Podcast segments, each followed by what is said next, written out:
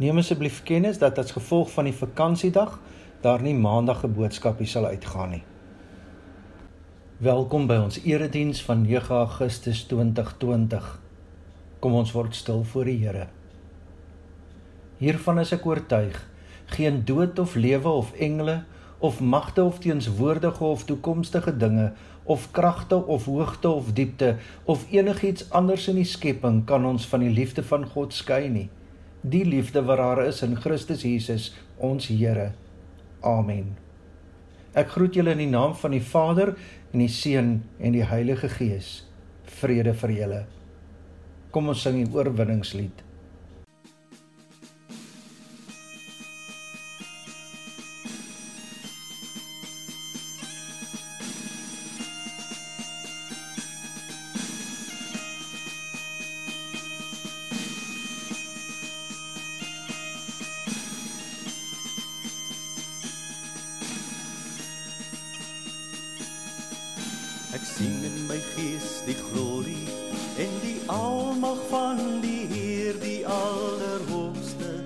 In liefde oor sy koninkryk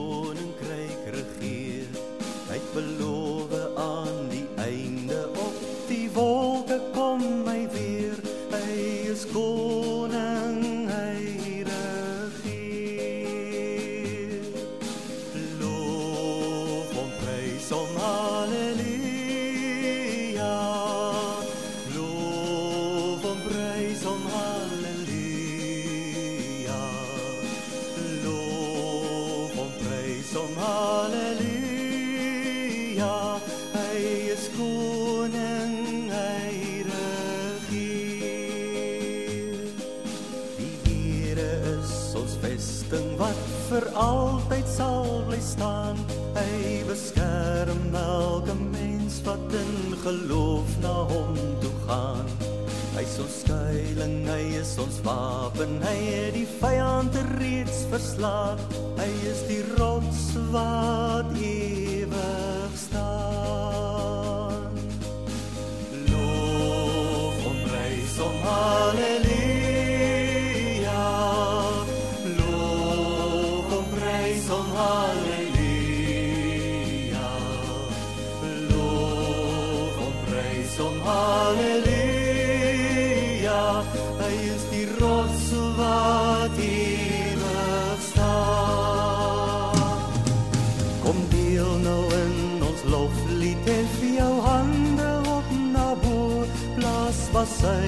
Slaan op tromme En kom dans voor God se oor. Kom leef in die oorwinning van sy woord waarin ons glo Want sy woord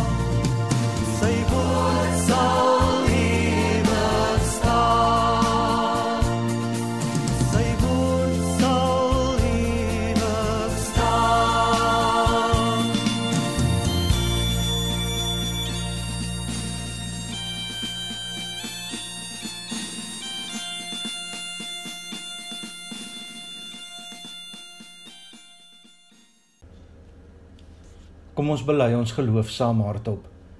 Ek glo in God die Vader, die Almagtige, die Skepper van die hemel en die aarde, en in Jesus Christus, sy eniggebore seun, ons Here, wat ontvang is van die Heilige Gees, gebore is uit die Maagd Maria, wat gelei het onder Pontius Pilatus, gekruisig is, gesterf het en begrawe is en ter helle neergedaal het, wat op die 3de dag weer opgestaan het uit die dode, wat opgevaar het na die hemel en sit aan die regterhand van God, die almagtige Vader, van waar hy sal kom om te oordeel die wat nog lewe en die wat reeds gesterf het. Ek glo in die Heilige Gees. Ek glo in 'n heilige algemene Christelike kerk, die gemeenskap van die heiliges, die vergifnis van sondes, die opstanding van die vlees en 'n ewige lewe. Kom ons sing 'n lied aan u voete, Heer.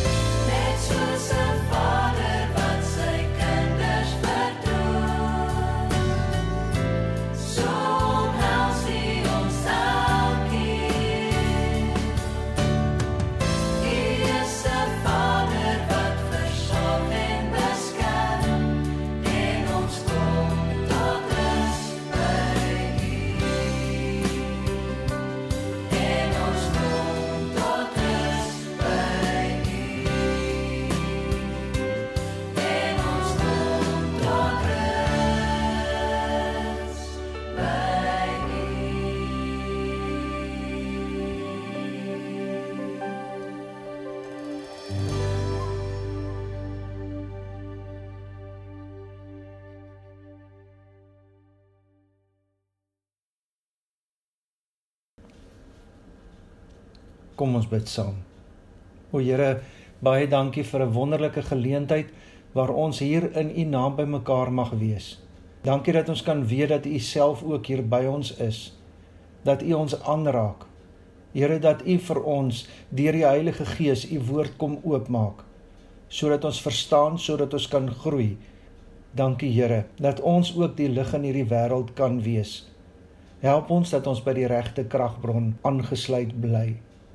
Amen. Ons lees uit 1 Tessalonisense 5 vers 1 tot 11. Dit gaan oor die wederkoms van die Here. Oor die tyd en omstandighede wanneer hierdie dinge sal gebeur, is dit nie nodig om aan julle te skryf nie, broers. Julle weet self maar al te goed dat die dag van die Here onverwags kom soos 'n dief in die nag.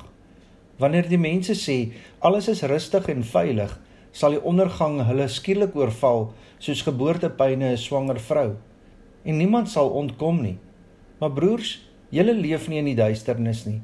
Die dag sal julle nie soos 'n dief oorval nie. Julle is tog almal mense van die lig, mense van die dag. Ons is nie van die nag of die duisternis nie. Laat ons dan nie slaap soos die ander nie, maar laat ons wakker bly en nigter wees. Die wat slaap is van die nag en die wat hulle dronk drink is van die nag. Maar ons wat van die dag is moet nigter wees. Ons moet geloof en liefde as borsharnas dra en die hoop op verlossing as helm. God het ons tog nie bestem om gestraf te word nie, maar om deur ons Here Jesus Christus verlos te word. Hy het ter wille van ons gesterwe sodat ons of ons by sy koms nog lewe of reeds dood is, saam met hom kan lewe. Praat mekaar moed in en versterk mekaar dan met hierdie woorde soos julle trouens reeds doen. In vers 1 tot 3 is daar 'n opdrag: wees gereed vir die wederkoms. En dan word vers 4 en 5 inligting deurgegee: julle is kinders van die lig. Vers 6 tot 8 is weer 'n opdrag: wees dan wakker. Vers 9 tot 10 weer inligting: God het ons bestem om in Jesus verlos te word.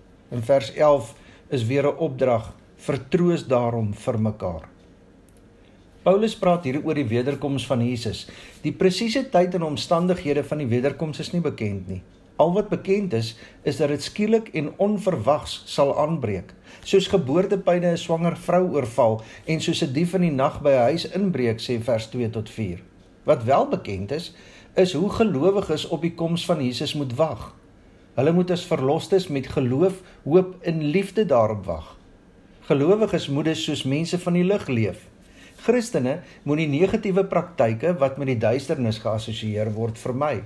Die duisternis wil goed wegsteek, in die lig is alles duidelik. Die gedeelte eindig met 'n oproep dat gelowiges mekaar moet opbou. Praat mekaar moed in en versterk mekaar dan met hierdie woorde soos julle trouens doen, sê vers 11. Gelowiges het 'n wederwysige verantwoordelikheid vir mekaar. Ons moet mekaar bemoedig. Vandag is my arms lam en jy versterk my. Môre is jou arms lam en ek versterk jou. Die gelowiges in Tessalonika was heeltemal verward oor die wederkoms en oor alles wat daarmee gepaard gegaan het. Party het net gewag daarvoor en niks anders gedoen nie. Ander het moed opgegee. Wanneer gaan dit plaasvind?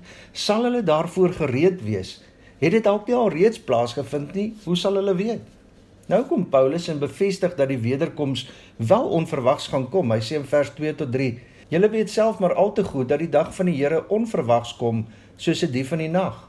Wanneer die mense sê alles is rustig en veilig, sal die ondergang hulle skielik oorval soos geboortepyne 'n swanger vrou en niemand sal ontkom nie." Hierdie woorde van Paulus moes die gemeente nog meer vreesbevange gemaak het. Wat nou? Hoe gaan ek gereed wees? Sê nou maar net, ek is so besig met iets dat ek daardie oomblik nie gereed is nie en onverwags gevang word. Paulus sê mos, die dag van die Here kom onverwags soos 'n dief in die nag. Maar tog skryf Paulus ook verder, maar broers, julle leef nie in die duisternis nie. Die dag sal julle nie soos 'n dief oorval nie. 'n Ander vertaling, die boodskap vertaal dit soos volg: Maar gelukkig is ek nie oor julle bekommerd nie, my broers en susters. Julle sal glad nie onkant gevang word wanneer die Here weer terugkeer nie.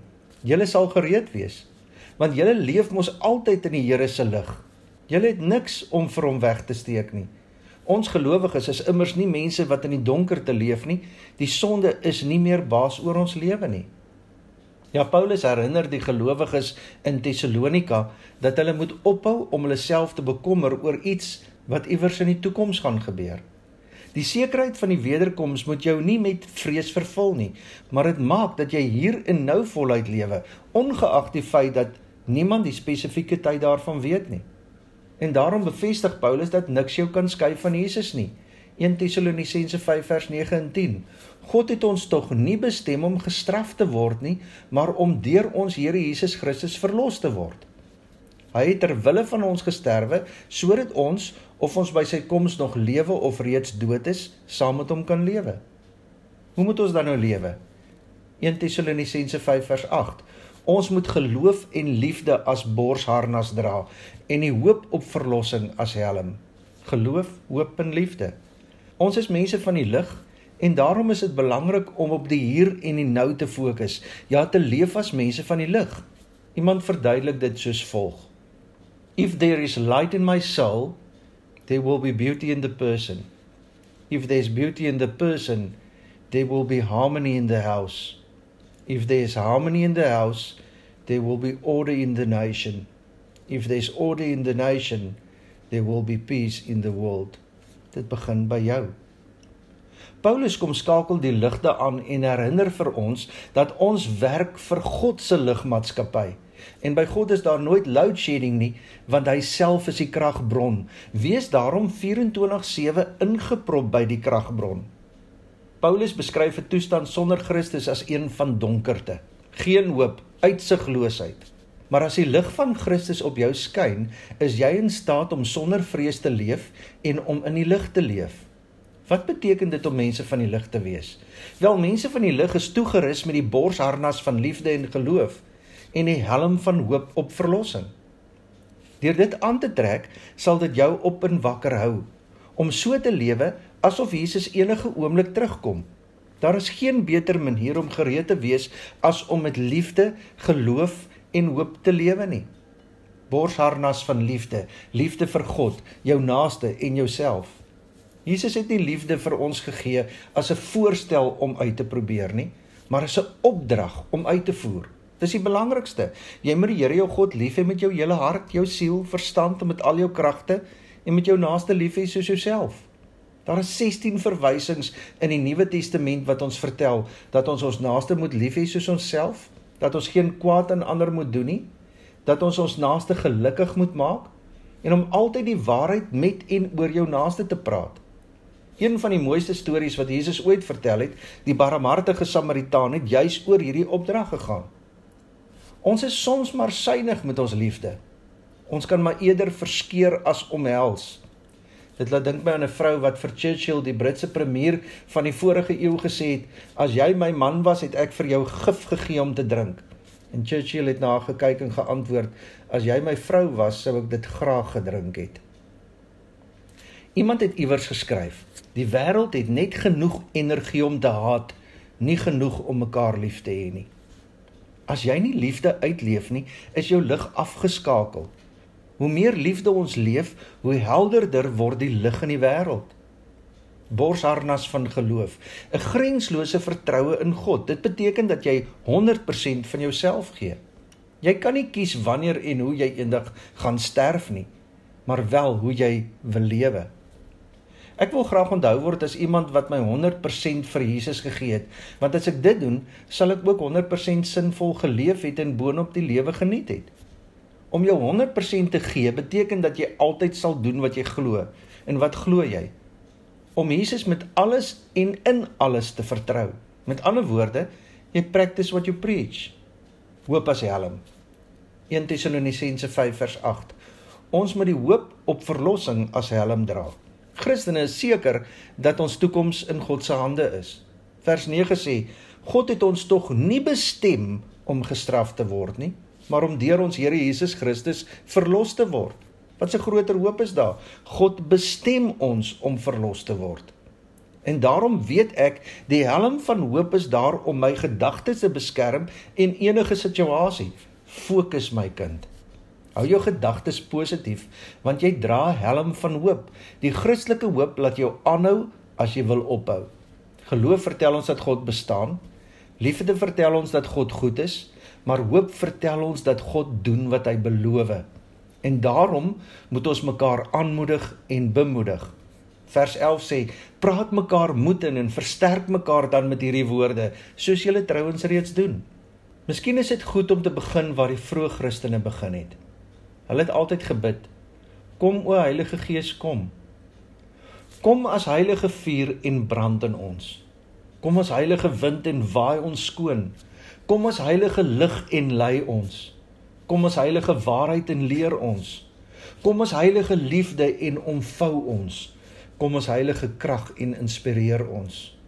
Kom as oorvloed lewe en oorstroom ons. Verander ons, vorm ons totdat ons heeltemal word soos God ons wil. Amen.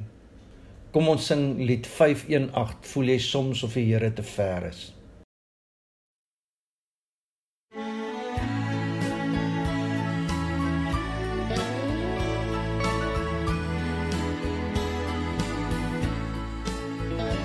Voel jy soms of die Here te ver is?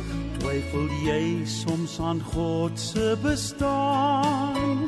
Jy moet glo dat die Here met jou saamloop, dat sy gees oral met jou sal gaan. Jesus sê hy kom weer, hy kom by die hemel neer, met bassei en geskaap kom hy al sy mense haal. Jy soms of die Here te ver is?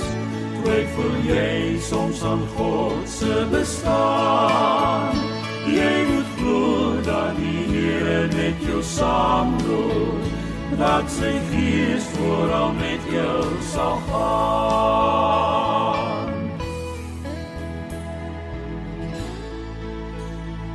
Sy woord weet ons Jesus gaan terugkeer na die wêreld met alles daarin. Wat gepreek is sal Jesus kom heel maak. Deur sy woord weet ons alles maak sin. Hoe sag by die wind met die glimlach van 'n kind, maak jou los van die kwaad, dis jou skepper wat praat. Voel jy soms of die Here te ver is? Twyfel jy soms aan God se bestaan? Jy moet glo dat die Here met jou saamloop sy gees vooral met jou sal gaan.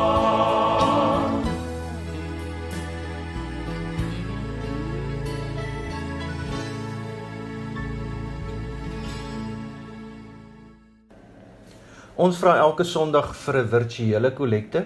Gaan asseblief na www.ngpongola.com. Daar kan jy met SnapScan of met EFT 'n bydrae maak. Baie dankie vir jou ondersteuning. Mag die Here ons seën en ons beskerm. Mag die Here tot ons redding verskyn en ons genadig wees. Mag die Here ons gebede verhoor en aan ons vrede gee. Amen.